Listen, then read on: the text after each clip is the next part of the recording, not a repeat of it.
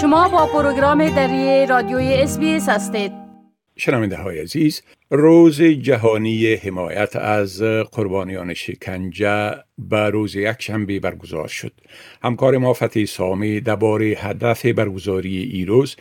و خدماتی که برای کمک با قربانیان شکنجه در استرالیا به خصوص قابل دسترس هستند معلومات تهیه کرده که اینک او را با ما و شما شریک می سازند آقای سامی سلام عرض می کنم خب اولتر از همه اگر درباره هدف برگزاری ایروز و پس منظرش معلومات ارائه کنین. سلام با شما و شنوندای محترم. خدمت هر شوه که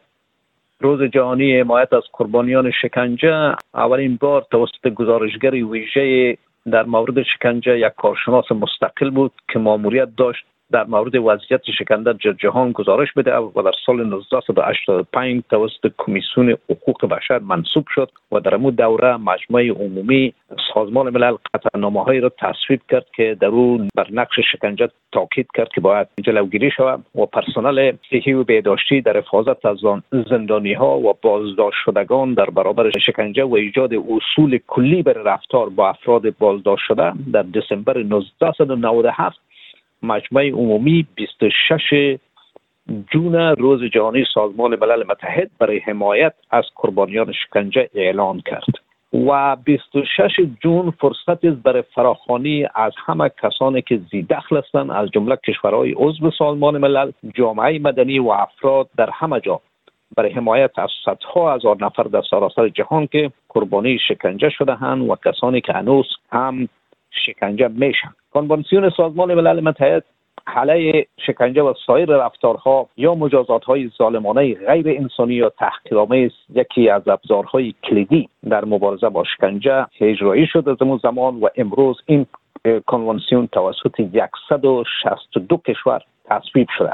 کمیسیون های زیاد حقوقی وجود داره برای جلوگیری از این کنوانسیون علیه شکنجه. اعلامه جهانی حقوق بشر و کنوانسیون بین المللی برای حمایت از افراد در برابر ناپدید شدن های اجباری میثاق بین المللی حقوق مدنی و اعلامه حمایت از افرادی که در برابر شکنجه و سایر رفتارها و مجازات ظالمانه غیر انسانی تحقیر و توهین و منشور رفتار برای مقامات مجری قانون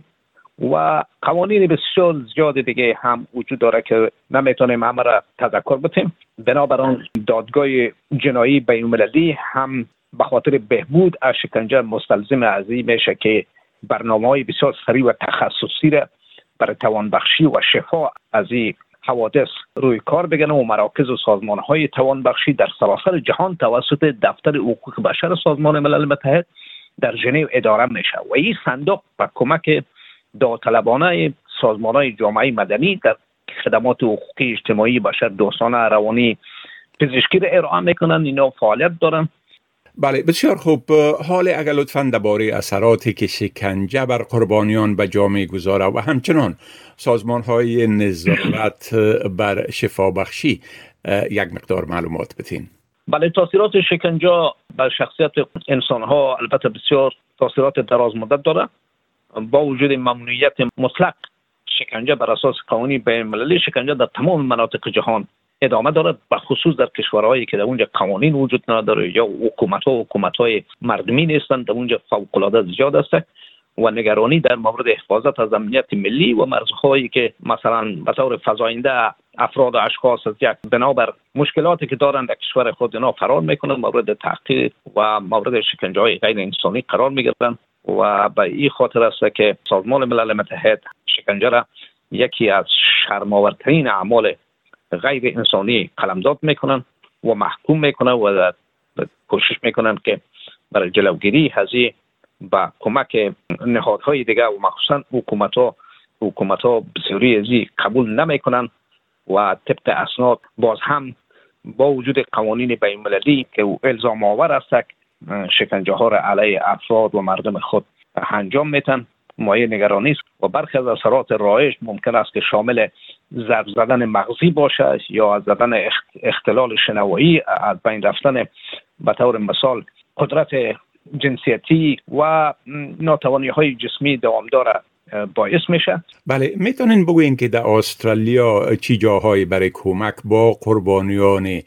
شکنجه وجود داره؟ بله یکی یک سازمان تخصصی و غیر انتفاعی که در سال 1988 تاسیس شده به نام STARS یاد میشه S T A R T T S. و این سازمان درمان و حمایت روانشناختی اصطلاح با که مرتبط با مسائل فیزیکی مداخلات اجتماعی میشه مخصوصا برای کسایی که درمان های شکنجه دراز مدت و مزمن کار دارن و آسیب های روحی و روانی دیدن. اینا یا پناهندگان هستند و یا کسایی که در داخل استرالیا در محیط که زندگی کردن بنابر دلایل معروض بودن به آسیب های روانی اینا کمک می‌کنن به نام استارز. و همچنان سازمان دیگه وجود داره که فاس یاد میشه اونا هم در این راستا کمک می‌کنن. فاست F A S S T T این انجمن خدمات استرالی برای بازماندگان شکنجه ها و افسردگی های روانی و ضربه هایی که دیده شده باشه یا دیده باشن بر اونها توان بخشی میتن و همچنان کمک های بشر دوستانه هم از لحاظ صحی بداشتی و هم از لحاظ روحی روانی و هم از لحاظ اقتصادی مالی. البته